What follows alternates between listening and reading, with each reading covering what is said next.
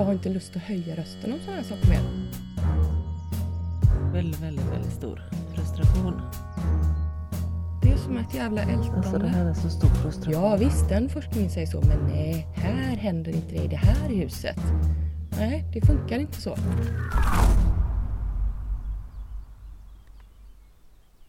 God morgon Julia. God morgon.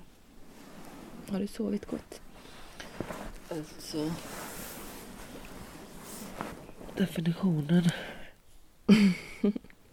är ju lite svår. När man sover så här tycker det var härligt att somna om några gånger.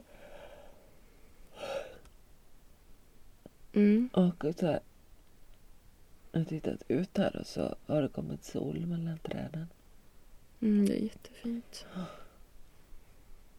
Vi har också precis konstaterat att det är väldigt bra inspelningsmiljö just nu, Mm. ljudmässigt. Och att det är så himla skönt med skogen. Det är ganska sällan någon kommer med sin gräsklippare. Men det Och kör. en mygga där och kör lite över sig. Men du vet, vi ändrar blodet här just nu. Liksom. Ja. Mm. har du kunnat Ja. sova? Mm, jag har sovit jättegott. Har du liksom inte vaknat och så? Jo, när varje gång man vänder sig vaknar man ju. Men det är inte som att jag har haft svårt att somna om igen. Nej. Mm, jag tänkte på igår Ja. eh, att allt det där vi pratade om. Jag är så trött på att prata om de sakerna. Det är som ett jävla ältande. Ja. Och att jag liksom Men är du, ganska glad att vi ändå... Att du berättade om den där um, kursen du hade hört om. Och de performativa handlingarna. Och det är ju lite grann det jag försöker göra hela tiden och du också. Men det är också ett motstånd i det. Och det är ju där den där vreden väcks. Oj. Och då är frågan om den vreden är konstruktiv eller destruktiv.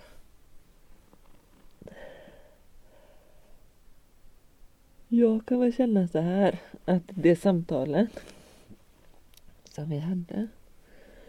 Att jag, ja, men att jag också upplevde den tröttheten och att den tr- tröttheten var för att det var så mycket förspilld vrede från början att börja gräva i liksom. Mm. Man har varit arg så många gånger utan att det har lett till någon förändring, att det inte har lett till någonting. Mm. Utan bara väldigt, väldigt, väldigt stor frustration. Ja. Eh, Så den förspillda vreden kanske ligger där från början liksom. ja, och vad ska vi göra med den? Ja men och då Då kanske vi måste bara lämna den på något sätt. Om, vad händer om man bara slutar prata om de här sakerna? Nej. Nej, inte sluta prata om dem. Det är klart om det händer något nytt så måste så är det viktigt att kunna ventilera det. Men Man får, jag kan vara lite trött på att eh,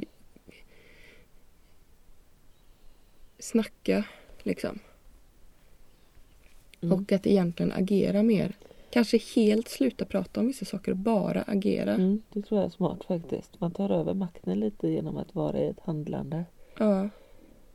Jag, säger, jag säger inte till fler gånger om den här grejen nu. Utan nu bara jag gör annorlunda. Mm. Och, jag, och det kommer göra att jag går i liksom...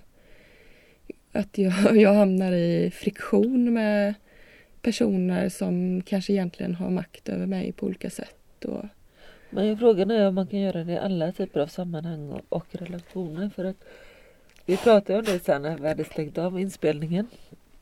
Att fan vad svårt detta är därför att vi utgår ju ifrån en tanke om att eh, personliga är politiskt. mm, Det är, ens, det är ju därför vi ens håller på med detta och liksom försöker komma på men vad är de personliga erfarenheterna och hur kan jag förändra min situation i olika på olika sätt. mm, Eh, och sen så när, när det blir för personligt så blir det ju väldigt lätt eh, både självutlämnande och att det är lätt att lämna ut andra. mm. Därför att eh, De här strukturerna har vi med oss hela tiden i det privata liksom. Ja. Och det, är ju, det kändes ju verkligen så vid det samtalet vi hade igår. Det var ju mycket lättare som vid förra tillfället när vi pratade om natur. Mm. Det har blivit utanför oss själva. Ja, och nu så pratade vi om saker som... Det kändes ju som att man censurerade sig väldigt mycket i det samtalet. Så på ett sätt så är det... Ja men bara för att vi spelade in Mm. så Men, fanns det en viss grad av censur som inte hade funnits där om du och jag hade pratat utan att det var en eh, ljudupptagare här. absolut. Men det är ju också att det här samtalet i sig skapar också mer ilska för att då kommer jag på liksom saker i mitt liv som är väldigt svåra att förändra. Mm. Eller att jag inte vet hur jag ska förändra saker eller så. Mm. Eh, och då Ja det blir det liksom för eh, Ja du kryper för nära in på liksom. Kan det finnas något positivt i, i att vi just på grund av att vi spelade in blev tvungna eller på olika sätt censurerade oss och då blev vi tvungna att formulera det på ett annat sätt än vad vi gör när vi pratar om det annars. Och att det, att det att behöva formulera det på ett annat sätt gör att Jag tror man ser det alltid att- mer utifrån Ja kanske. jag tror alltid att det är bra att prata om det strukturella. Mm, Eh, faktiskt också för att förklara för sig själv så här, varför hamnar jag i den här situationen. mm, Det är inte för att jag är svag eller, nej. eller sådär utan det är för att jag har lärt mig det här systemet.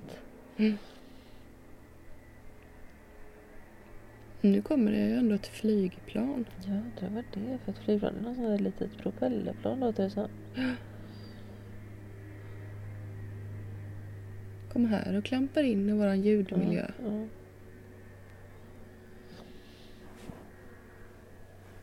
Ja, men Jag i alla tycker det är fall både så... och därför att det är ju väldigt lätt att bli för teoretisk. Mm. Ifall vi börjar liksom distansera oss. Ja. Och då hamnar vi liksom i teorier och ja, då måste vi hem och, och så, ja, men då behöver vi ta det här exemplet från den här filosofen eller sådär. Mm, Eh, och inte våga bottna i de egna erfarenheterna. Mm. Och samtidigt eh, kan det väl finnas fördelar då med att ja, men de här samtalen som vi har nu har ju vi, har ju vi bestämt inte ska vara på det sättet. ja, Vi behöver inte sitta här och referera. Eh, för det är ingen föreläsning. Vi gör ju det tillräckligt redan i våra, när vi skriver och när vi eh, undervisar eller vad vi gör. Förankrar allting hela tiden ja. och talar om i vad och så. De här samtalen ska ju vara något annat. Kanske. Mm, det tänker jag också. Men som sen behöver Men förankras. Om vi hittar något nytt i samtalen så Ja, kan ja, de visst. sen, men vi kan ju inte behöva ska inte behöva sitta här och vara... Men frustrationen och tröttheten och så där. Det handlar ju också om olika misslyckanden liksom. Mm. Eller hur tänker du då? Nej men att jag kan tänka liksom. Jaha varför har jag inte kommit längre i detta? Eller varför är inte förändringen större? Varför har inte jag varit med och, och påverkat så att det blivit en större förändring kring detta? I mitt liv eller så. Mm. Mm. Menar du i mindre sammanhang då? Ja men det kan ju vara allt från att hålla i ett möte på jobbet Ja. liksom. Mm. Till att eh, eh, vad heter det eh, hur fungerar det på våran grusväg eller vem får tycka någonting om vilka träd som ska fällas där eller Ja.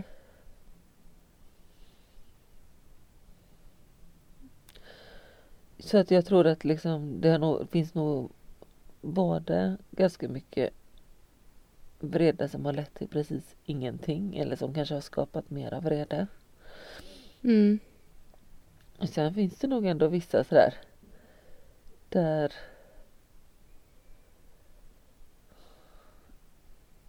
där man har varit ett lyckat exempel på något sätt också. Mm. Där man har lyckats att För det gäller ju liksom att ta sig an de här sakerna relationellt. Det funkar ju inte att ta sig an dem med ilska. Så vreden, liksom, att klara av att... Ja, ibland funkar det kanske att bli arg också, men då gäller det ju att det också finns ett förtroende från början. Innan Mm. den ilskan. För att i väldigt många sammanhang när när han gör tvärtom eller säger emot eller så, så kan man ju faktiskt också bara förstärka en polarisering i en uppfattning. mm, Hur det ska vara eller hur det, hur det bör se ut. Jag tänker också på politiken där nu då. Hur det blir så tydligt ja, men när eh, någon ryter ifrån. mm, Att det egentligen kanske till en början bara förstärker de som tycker tvärtom. Men jag funderar på om det sen, ja men att det ändå, den polariseringen som blir faktiskt ändå kan leda till en förändring sen i sig. För att det blir så tydligt då när det blir polariserat mm, vad den ena eller den andra åsikten faktiskt genererar.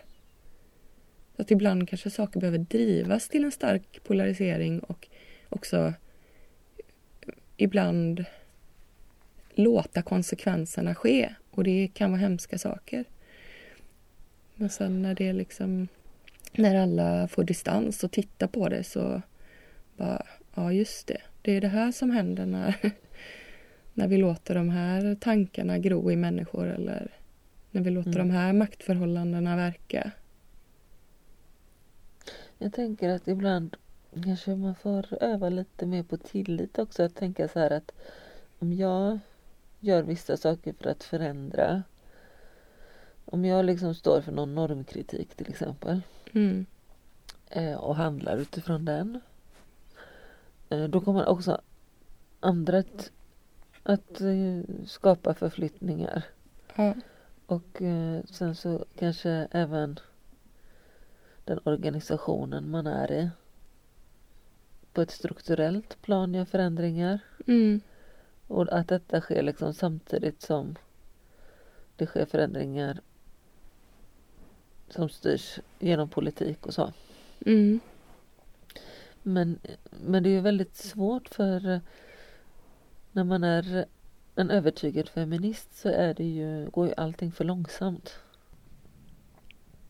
Menar, Ja, men med till vissa exempel... saker kan man ju vara väldigt konsekvent och bara alltså, nej men de där sakerna gör jag, så gör jag inte. Jag Mm. handlar inte på det sättet, jag gör inte så. Jag har ju vissa sådana väldigt så här eh, principfasta saker. Så här, jag använder inte rot och rut. Jag hade behövt det i vissa sammanhang för jag har typ nästan inga pengar. Men nej, jag tänker inte göra det för jag har ändå så pass mycket pengar så att jag har råd att äga ett hus. Mm. Och det, blir- alltså, vissa saker tänker jag att det är viktigt att bara hålla fast vid. För någon annan kan det vara andra saker men att det finns vissa saker som ändå känns så, Som som man agerar för. Ja, Mm. och som man agerar i hela tiden på något sätt. Bara för att liksom stärka upp att jag, eh, jag är i alla fall inte med på hela det här systemet. Nej. Eh, och det kan räcka som motstånd ibland. För att man behöver inte alltid behöva vara eh, på tå och göra rätt i alla situationer. För det är inte så himla lätt. Liksom. För det är ju himla bekvämt att bara... Det hade ju varit det är jättebekvämt att, och glida med i vissa sammanhang. Så vi är väldigt privilegierade till exempel. Vi är vita. Eh, vi har det relativt gott ställt, alltså vi äger varsitt hus. Eh, vi bor i ett ganska bra område. Vi Ja, vi har har det varmt på jobb. vintern. Vi har ganska bra jobb, ja. Jo. Det är som att ibland har jag önskat så här bara, ja, men tänk om jag Tänk om jag var lite mer blind för detta. Då hade Mm. jag kanske känt eh, mig lite gladare. Mm. För det skapar ju då så mycket vrede, ilska, frustration och sorg Mm. Eh, så ibland har jag tänkt, tänk om jag liksom inte från början hade, om jag inte hade sett strukturen, om jag inte hade eh, läst de här böckerna eller Mm. varit i de här samtalen eller sådär. Så då hade jag ju liksom kunnat vara mer i så här, att anpassa mig efter ett system och sådär. Eh, men det går ju inte att backa när väl när väl strukturerna ligger framför en. Nej. Nej. Och det är ju inte säkert. Det hade kanske va- varit en större frustration att känna att det är något eller utan att kunna sätta ord på det. Mm. Det är något som inte stämmer här. För så var det ju tyckte jag att växa upp Mm. mycket. Mm. Att det fanns en frus- frustration som jag inte riktigt var. Där det var mer sådär självklart att ja, men, eh, tjejerna mot killarna på något sätt. Mm.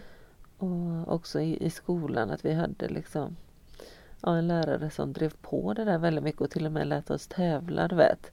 Tjejerna mot killarna eh, i olika, så här, vad, vad är bäst? Är det bäst att vara tjej eller är det bäst att vara kille?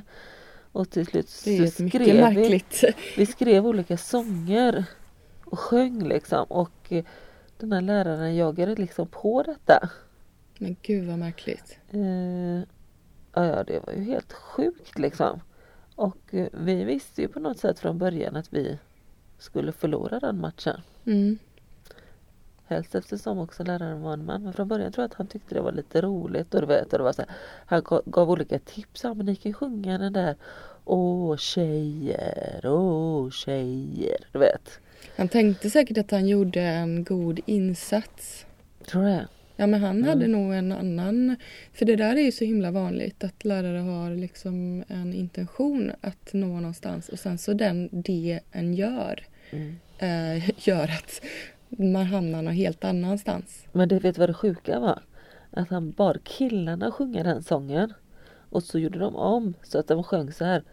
Och tjejer, ni måste höja era röster för att höras. Oj då. Du vet, det var Mm. otroligt kränkande faktiskt. Mm. Det är ju det där vi har pratat om väldigt många gånger. Att, eller jag har sagt i alla fall att jag är så otroligt trött på att den förväntas höja rösten hela tiden för att få någonting att bli förändrat. Nej, jag ska faktiskt inte behöva skrika om detta. Jag ska inte behöva ens säga det för att alla behöver bli medvetna. Men ta lite mer plats bara kvinna. Ja. Det är bara att visa framfötterna. Mm. Och är det någonting kvinnor gör så är det att visa framfötterna. Jag tittar på mina kollegor som liksom min närmsta chef då och också min samarbetspartner. Ehm, som jag, jag tror inte jag vet någon annan eh, som har behövt verkligen slita så in i jag ville svära. Ja, gör det. Ja, in i helvete.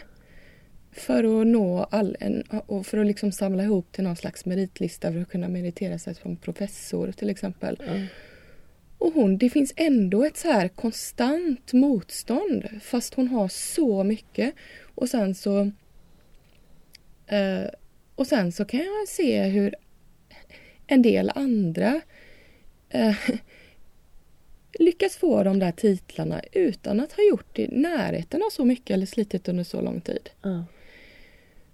Och det tycker jag är så himla frustrerande för jag och då är det vissa som hävdar att men det där är inte med kön göra, det har med andra saker och det Ja men då är hon väl inte tillräckligt bra då eller så här liksom. Ja.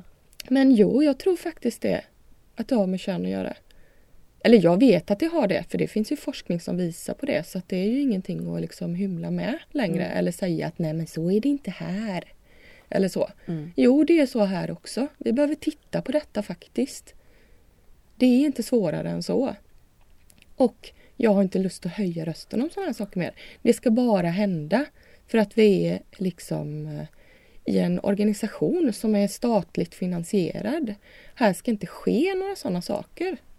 Det kommer det såklart alltid göra. Men vi behöver liksom bli medvetna och vi kan inte vifta bort och säga Ja visst, den forskningen säger så men nej, här händer inte det i det här huset. Nej, det funkar inte så.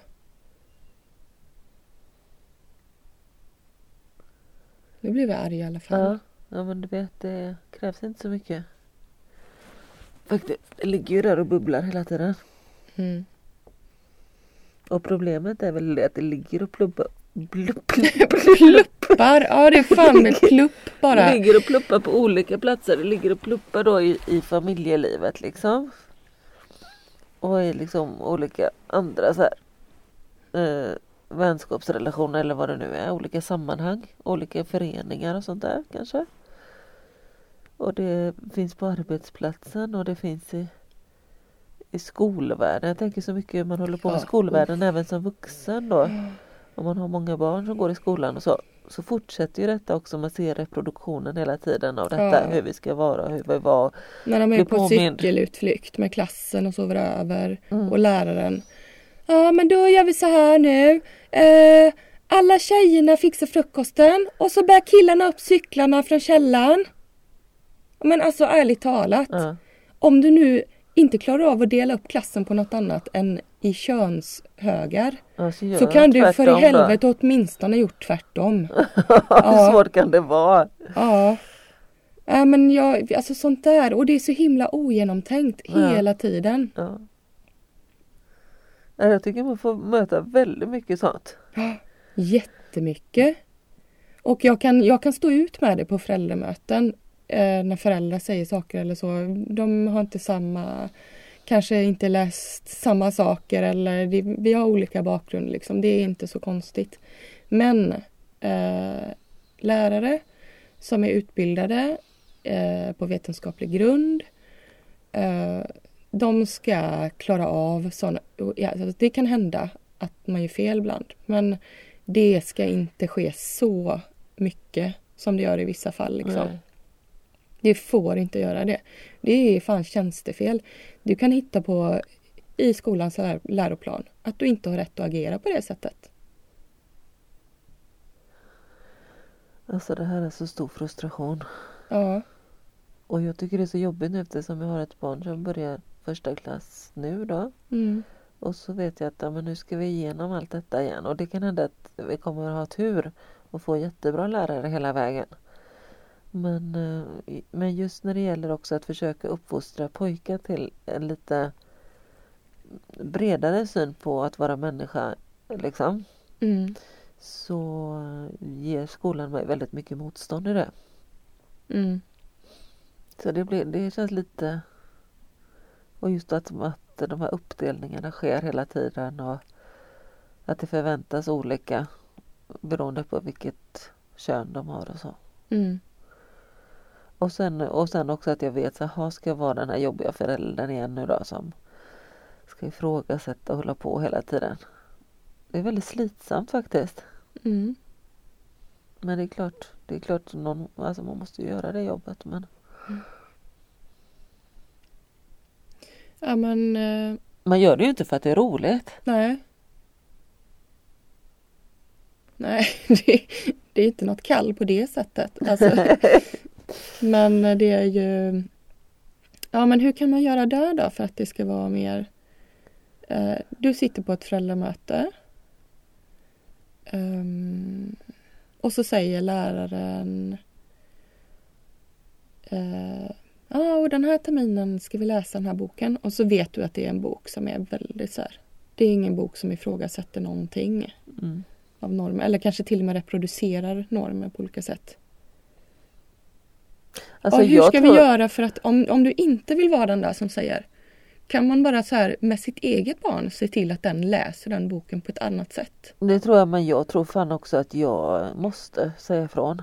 Ja, det måste och jag måste göra det öppet så att alla hör. Mm. Och jag måste sluta tycka att det är obekvämt. Jag Mm. måste tänka bara det här är normalt att ifrågasätta de här sakerna. Mm. Jag bara, jag bara säger det rakt ut. Jag tänker också att det handlar om att vi också Alltså, och det här är jättefördomsfullt att säga.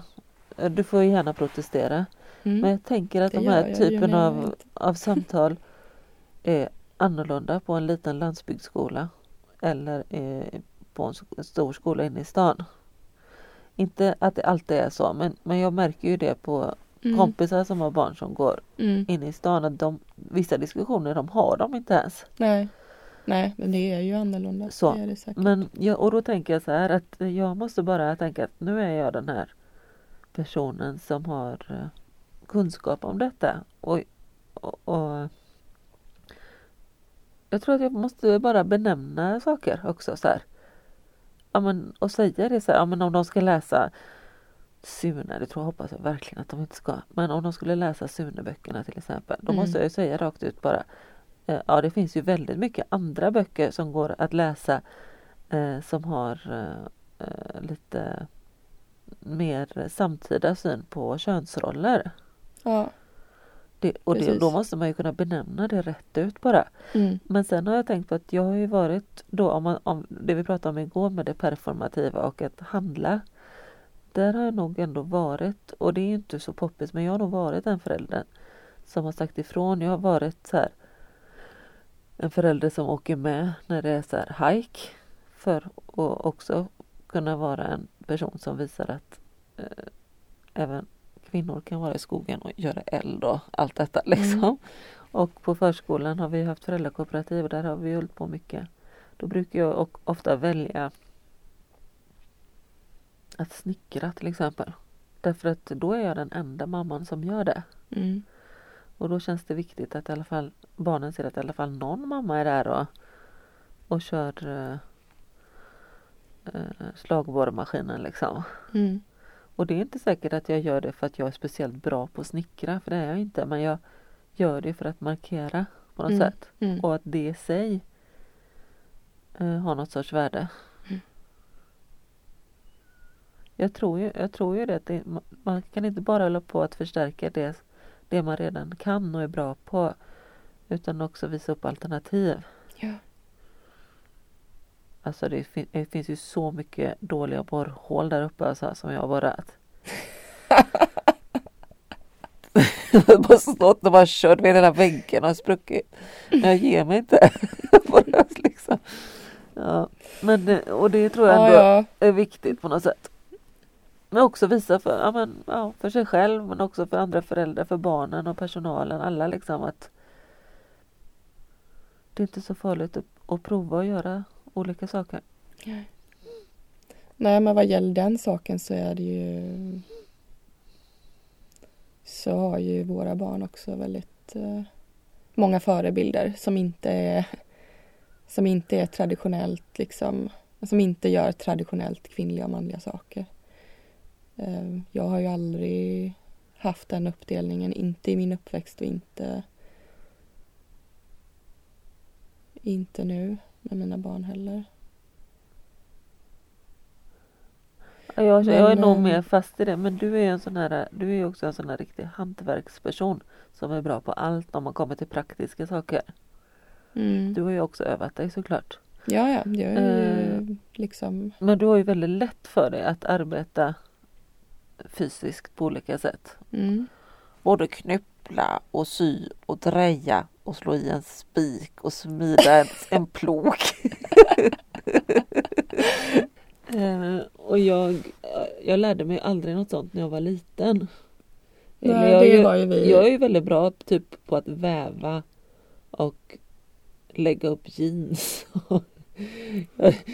och, och då är det ibland så att jag kände så här, nästan att den kunskapen inte är, eh, är bra för att den är traditionell. Det ska jag sluta med också. Jag ska fan med vara stolt över att jag kan väva och sy och så. ja, ja, det är Eh, klart. Men, men, eh, men det har varit väldigt stor kamp för mig som då till exempel haft små barn och renoverat hus samtidigt. Att ta plats i det där på något sätt. Att våga göra saker när jag vet att jag gör det sämre än den som har lärt sig det från början och sådär. Mm. Så. Vi hade ju aldrig den uppdelningen och ibland så kan jag tänka så här, undra vad som hade hänt om vi hade fått en bror. Om någon av oss tre döt- eh, döttrar, tre systrar, Mm. hade varit en bror. Ja. Eh, att- och undra om, den, om det hade blivit mer uppdelat då. Nu fanns det liksom ingen att dela upp de här könsrollerna mellan. Alla kunde göra allt. Hela tiden. Vi fick, jag har en bror också, men han kom ju lite senare. Men eh, min stora syster är ju smed. Liksom. Och det är ju inget, eh, det är ju ingenting som är konstigt. Däremot så upptäckte vi ju att det blev ju en väldig uppståndelse att hon var en kvinnlig smed, alltså från omgivning. Ja. Ehm, ja, och jag har ju också haft väldigt mansdominerade arbetsplatser innan jag började utbilda mig. Ja, gud. Där har man ju också mycket såna här...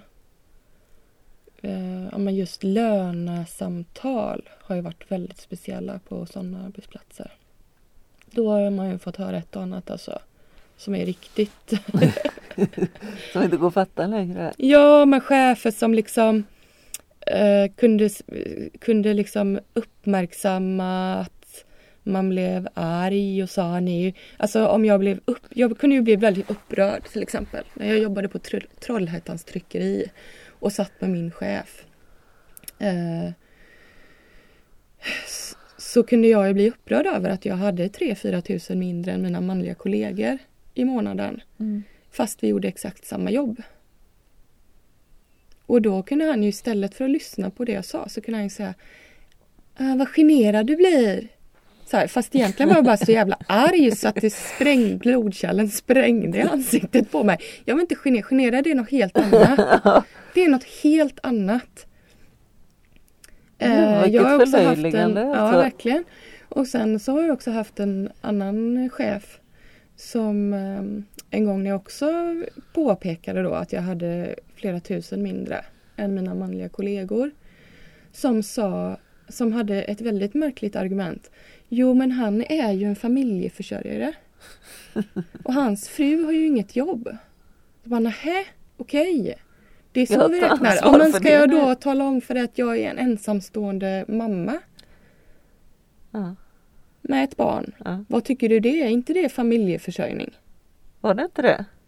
Nej, men, men jag vågar inte ens säga sådana saker då. Jag blev bara så ah, okej. Vadå, Och så var jag arg på annat håll.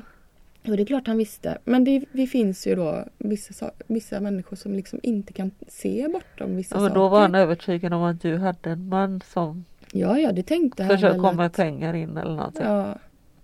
Eller kanske en pappa eller något. Ja. Ja, nej, jag vet inte. Men det är massa sådana saker som liksom har eh, och jag har alltid varit så känslig för sånt men jag har också ibland haft svårt att säga ifrån. Men det gör jag ju, nu säger jag ifrån. Sen så kan det vara helt omöjligt ändå. Eh, Det finns ju jätte, jättemärkliga lönesättningar på min arbetsplats som jag är på nu också. Som är väldigt orättvisa. Väldigt Och jag svårt. säger ifrån men det går ju inte att få högre lön. Jaha, nej. Så jag har liksom slutat tänka att jag är på ett lönesamtal. Ja, jag också. Jag, jag pratade med min chef om det. Jag bara, men det är ju nästan, alltså, ska vi ens ha det här samtalet? Det Mm. leder ju inte till någonting liksom. Vi vet ju det redan från början. Ja. Så. Jag har släppt det lite grann faktiskt. Men det är också för att jag är tillräckligt nöjd med den lönen jag har just nu. Mm. Så ja, det finns andra fighter. Ja men precis. Det är ju det. Mm. Det är mer, och det blir också mer så här att om man byter jobb så är ju det en stor fråga. Och sen, men sen fastnar man i ett system liksom. Ja, sen när man väl har en ny arbetsplats så är det inte så där himlens lätt att förändra Nej, någonting. nej. Då är det de där procenten hit och dit. Och, Ja, ja. det är bara så. Åh, procenthöjningar på lön är ju också så verkligen märklig sak. Ja, men och, och sen när man ändå Hur ska ha ett lönesamtal. För det blir så sjukt bara, ja, men eh, eh, alla, nej men alla får 3 procent. Bara, ja ah, just det, då kommer ju klyftan mellan mig och den där välbetalda öka ännu mer. Ja. Bra, bra jobbat. Men också Schysst, att det inte blir utifrån, det blir ju aldrig då utifrån prestation. Nej, nej. Det blir det ju inte heller. Vi har ju tre olika procentsatser, eller de brukar dela upp i liksom. Men då måste den ju också vara väldigt bra på att tala om vad man har gjort liksom. Ja. Det är ju ingen annan som är inne och tittar på vad Nej. gör. Nej visst. Precis. Det är Jag inte så att min prefekt någon gång kommer in när jag har undervisning till exempel. Gå runt och kika lite på när folk har workshops. Skulle ju kunna vara ett bra sätt att se lite grann. Mm. Vad har jag för lärare här? Ja. Nej jag bara såg framför mig hur det hade sett ut på mitt jobb. Fast samtidigt så skulle ju det också kunna, jag kan ju förstå det. Eh, som prefekt är man ju en maktposition. Ja. Det skulle ju kunna skulle vara väldigt märkligt. Det skulle kännas bevakningskänsla. som bevakning. Ja. Nej men man skulle kunna bjuda in till sådär. Kom och kika. Nej det behöver man inte göra. Ja nej jag vet inte. Nej, skit i det. Det kan ändå vara skönt att du kom vidare utifrån det läget där du var då. På det där tryckeriet och det där. Du fick Mm. kämpa och, och jobba och inte få eh, samma lön för samma arbete och alltihopa. Mm. En gång avancerade jag ju på tryckeriet. Eh, det gjorde jag för att jag bröt arm med en kille. I, på min, det är också en väldigt Va? märklig sak. Jag jobbade ju i packsalen Ja. från början. Eh, då står man och buntar tidningar och lägger på pallar och kör på palllyftare ut och så. Eh, bladar i reklam i andra tidningar. Och det, där var det ju nästan bara kvinnor. Det var också en del män. Men inte så många. Det var mest kvinnor där. Uppe i tryckeripressarna. Uppe, det är också så kul. Ja. Hela, hela tryckeriet är ju liksom hierarkiskt byggt. Ja. För att det måste vara så för att produktionen ska kunna fungera. Men Ja, det blir ändå det. verkligen lite roligt. så. Men där uppe i tryckeriet jobbade det ju bara män. Eh, vi kunde ju ha såna här stora, stora bladnings... Eh, eh, uppdrag där man skulle blada i jularreklam i någon annan tidning. Bara så här i enorma upplagor. Så man bara stod så här dag och natt och jobbade Ja. över jättemycket. Och helt monotont. Ja, och samtidigt kunde vi vänta på någon tidning som skulle tryckas. Och då när, när, så kunde det ta lång tid från repro ibland då. Eh, innan tidningen, tidningsmaterialet kom så att, och man kunde skriva ut det på plåtar och sätta in det i pressen och så. Då satt ju killarna där uppe och spelade kort medans, eh, medans de väntade på tidningar. Och nere då slet ju alla kvinnorna för att göra ett annat jobb under tiden de väntade på det där Ja. jobbet. Ehm, och då, ja det där fick vi ifrågasätta någon gång. Det är ju bara det att sen när jag väl jobbade uppe på i pressen Men så satt jag också och spelade kort ibland. Jo, det med armbrytningen. Jag jobbade i packsalen först. Eh, och jag såg ju de här strukturerna och tyckte det var så märkligt att det inte var några kvinnor som jobbade uppe. Dessutom så är jag väldigt intresserad av färg och så här, kunde ibland se hur man skulle kunna göra för att, för att det skulle bli ett bättre tryck och sådär. Så jag tänkte men jag vill hellre jobba där i pressen. Eh, så var vi på en, det här är ju så knäppt, jag var ju ganska ung. Men vi var på en, eh, en sån personalfest. Ute någonstans. Och så så var det någon, så jo så hade de sagt flera gånger att ja, men anledningen till att det inte är några kvinnor där i pressen det är för att det arbetet är så tungt. Och det där sånt går inte jag med på för det jag bara direkt ser att så är det ju inte. Nej. Så sa jag så här, ja men eh, jag är ju rätt stark. Så här, jag kanske inte ser så stark ut men jag är rätt stark. Jag har alltid varit rätt stark. Jag är också rätt grym på att bryta arm för min pappa har ju tränat det med mig när jag var liten så jag Ja. kan ju tekniken också. Eh, och då så brö, bröt jag arm med en av de manliga kollegorna. Och jag, kom inte, jag tror inte jag vann. Men han fick inte heller ner mig. Nej, det, du höll kvar. Ja, jag höll, jag höll kvar. Han fick inte ner mig liksom. Det hade varit mycket roligare om jag sa nu att jag ljög och sa att jag vann. Men nej, men jag kommer inte ihåg. Jag kanske gjorde det. Nej, jag minns inte. Men jag vet att i alla fall att de var väldigt imponerade över hur stark jag var. I alla fall. Mm. Eh, och sen så när vi kom tillbaka. Jag, jag minns det som att det var typ måndagen efter. Så kom min chef och frågade. Vill du testa att jobba i tryckeriet? Ja, det vill jag. Och så bara jag typ bytte plats. Det är ju helt sjukt faktiskt. Ja, men jag kunde ju fortfarande inte få så här högre lön och så. Nej, just det, du fick gå på samma Nej, jag, lön. ha- nej, jag hade, fick nog lite högre lön men jag fick ju inte som männen. Då. Men det uppenbarade sig ganska snart att det var inte alls lika tungt, det jobbet där. Nej, Det är ju maskiner och hydraulik som Ja, gör visst. allting. Ja, Ja. Och det är ju precis samma argument som är så här, ja, ehm, vissa yrken då som är väldigt mansdominerade i vårt samhälle ska Mm. vara löneledande. Det finns liksom till och med bestämmelser om det. Ja. Eh, för att de är så tunga och hit och dit. Ja, och sen så har vi alla sjuksköterskorna som liksom sliter ut sina kroppar. De lyfter runt på gamla tjocka gubbar och tanter hela dagarna. Och de är skitstarka och sliter ut sig. De har ingen hydraulik. Jo, det finns ju ibland så här hissar och sånt. Men är, de, väldigt många lyft liksom sker ju utan det. Eh, och det, det finns ju också forskning som eh, visar så här. Det finns ju forskning som visar helt tydligt. Ja, vården är det tyngsta yrket. Ett av de tyngsta yrkena Ja, vi har i vårt men samhälle. Du hade ju bara varit att en, byta plats på de två lönerna då. Ja. Det kan man tycka. Ja, nej, då ska det vara... Ja, liksom det är så himla svårt att bara förändra sådana saker. Ja men ja, det är ju bara så jävla sjukt. Alltså, det är så, också så otroligt lätt förändring att göra. Ja, det är ju Och det skulle det. gå så snabbt. Jag menar hur mycket, hur mycket extra pengar hade vården behövt för att göra detta? Antagligen inte så att vi hade märkt det som skattebetalare. När man gjorde Nej. en liten omfördelning. Ta bort eh, RUT och ROT då. Mm. Och lägg de pengarna istället där. Så att vi får en liksom Men eh, ja nej det är otroligt eh, Jag tror att, jag tror att samhället också Det vill ha krävs sina ju så här strukturer. resursomfördelning. Nej men det är inte det. det. Det som händer är att folk kommer bli så jävla arga du vet. Mm. Så att eh, det blir väl någon sorts revolution. Ja, men sen så är det ju också de här yrkena då som traditionellt har varit kvinnliga. Det finns ju massa män som jobbar där också, men det är ändå övervägande kvinnor. Eh, alltså det finns ju, i och med att det är människor en jobbar med. Så det är inte typ om jag strejkar nu så kommer inte tidningen till, till alla imorgon bitti. Utan det är ju så här, ja då ligger Beda 87 och badar i sitt eget bajs om jag strejkar nu. Mm.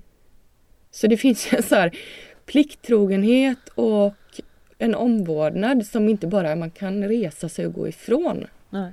Och då måste ju vi ta ansvar för att de människorna som jobbar där blir rättvist behandlade utifrån allt det vi vet. Utan att man ska behöva fan höja sina röster för att höras. Nej det är sjukt.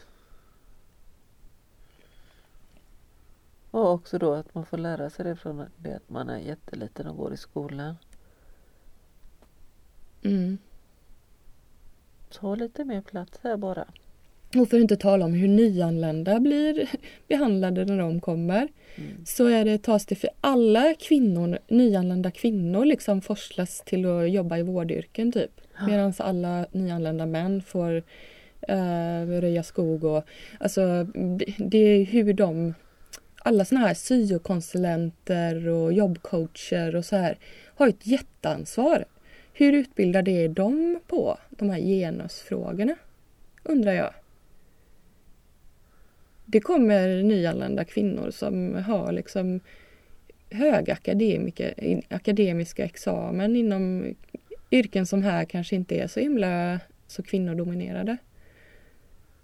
Och så blir de... eh, Det tas för givet att de... Och de vill ju ha ett jobb. Så det gör man ju det. Man måste ju ha ett jobb. Som man hänvisas till. Ja. Ja.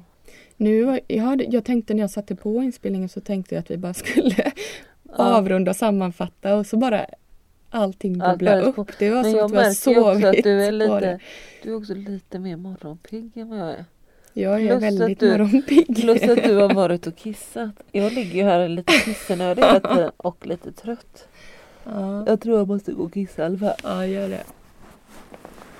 Jag tänker att jag förbereder chokladbananfrukosten. Vi måste göra eld. Ja, det gör vi.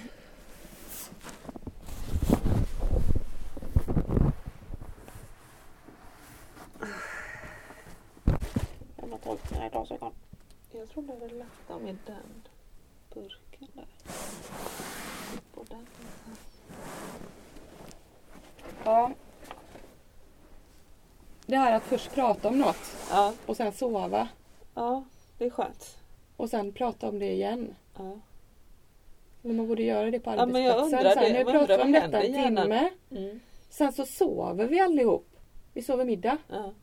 Sen pratar vi om det igen. Här, Ja, men- utan att gå ut från rummet. Alltså utan Ja, att... men beslut till exempel kan ju ibland behöva vila någon dag eller så. För Ja. att det ska mogna i Jo men jag menar så här att alla är kvar Att på vi samma sover plats. på arbets... Ja, ja. Att alla är kvar på samma plats. Om vi pratar om detta en timme. Ja, Sen så pausar vi. ja, Men alla är kvar här inne. Vi sover. Och sen pratar vi om det igen. ja, mycket bra.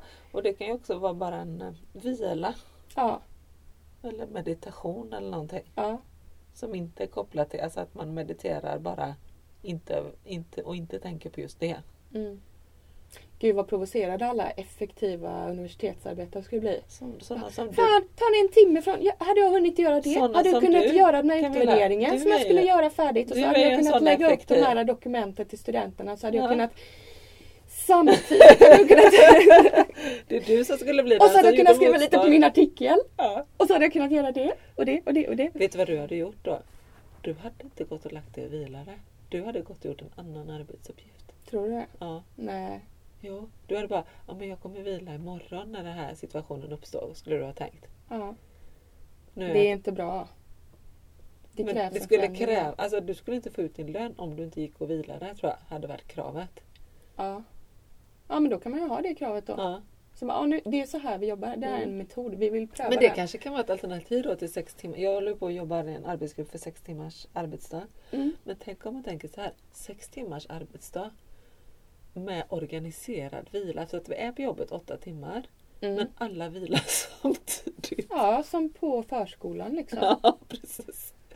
Så här, det blir för Ja mycket men du bråk ser här ju bara, de har ju energi både förmiddag och eftermiddag, barnen på Ja. förskolan. Det är ju för att de vilar en timme. Precis. Gud, så långsamt komma på detta nu, 2017. Mm. Men alltså mina glasögon är borta. Jag trodde jag la dem på den här äggburken här. Men också så otroligt jobbigt att vara den personen också. För jag menar jag har ju börjat att förändra mötesstrukturer lite grann. Testa lite grejer. Att vi har till exempel em, personer som, som är stämningsunderlättare och maktingripare om någon tar över makten från någon annan och sådär. Men tänk om jag också då ska vara så här, föreslå att nu ska vi också ha vidare efter mötet. Alltså, Nej, fan mitt jag hade, jag hade blivit lynchad alltså. Mm. Det, oj, oj, oj. Ja. Nej, det tror jag inte, inte någon skulle klara av faktiskt. Fast lite, ja vi har ju i alla fall yoga på morgnarna ibland och så. Det är Mm. lite samma sak men det borde vara mitt i. ja men just det där att ha det mitt i. Ja. Det är någonting med det. Ja. Jag och barnen lyssnade på en intervju i samband med Nobelpriset. Jag tror det var förra året. Då frågade de någon professor där om eh, vad, som, vad man skulle tänka på för att vara kreativ. Och då sa han att det är viktigt att ligga i marinaden. Ja. Och det är ju det. Ja. Ja, man ska ha marinad. Ska ligga i marinaden. Så brukar jag säga det till barnen när de kommer så här. Jag har inget att göra, det är skittråkigt här, det finns ingenting att göra. Men lägg dig i marinaden. Tänk Ja. om jag hade haft tid att ligga en timme i marinaden nu. Jag anar inte vad som händer. Problemet är ju att behoven är så annorlunda. Ja, det är ju det. De har jag inte alls menar, behov jag- av att Nej, marinera jag sig just då. har jättemycket behov av att bara Det har jag varit bra på den här sommaren faktiskt. Marinera dig. Ja, bara, Mm. bara ligga ner i hängmattan, inte ens läsa en bok. Ja. Bara somna mitt på dagen. Jag har bara blivit som en bebis. Mm. Bara, nej, nu måste jag nog sova. Ja. Det tror jag är hälsosamt. ja, det är det. Nu ska du få kissa.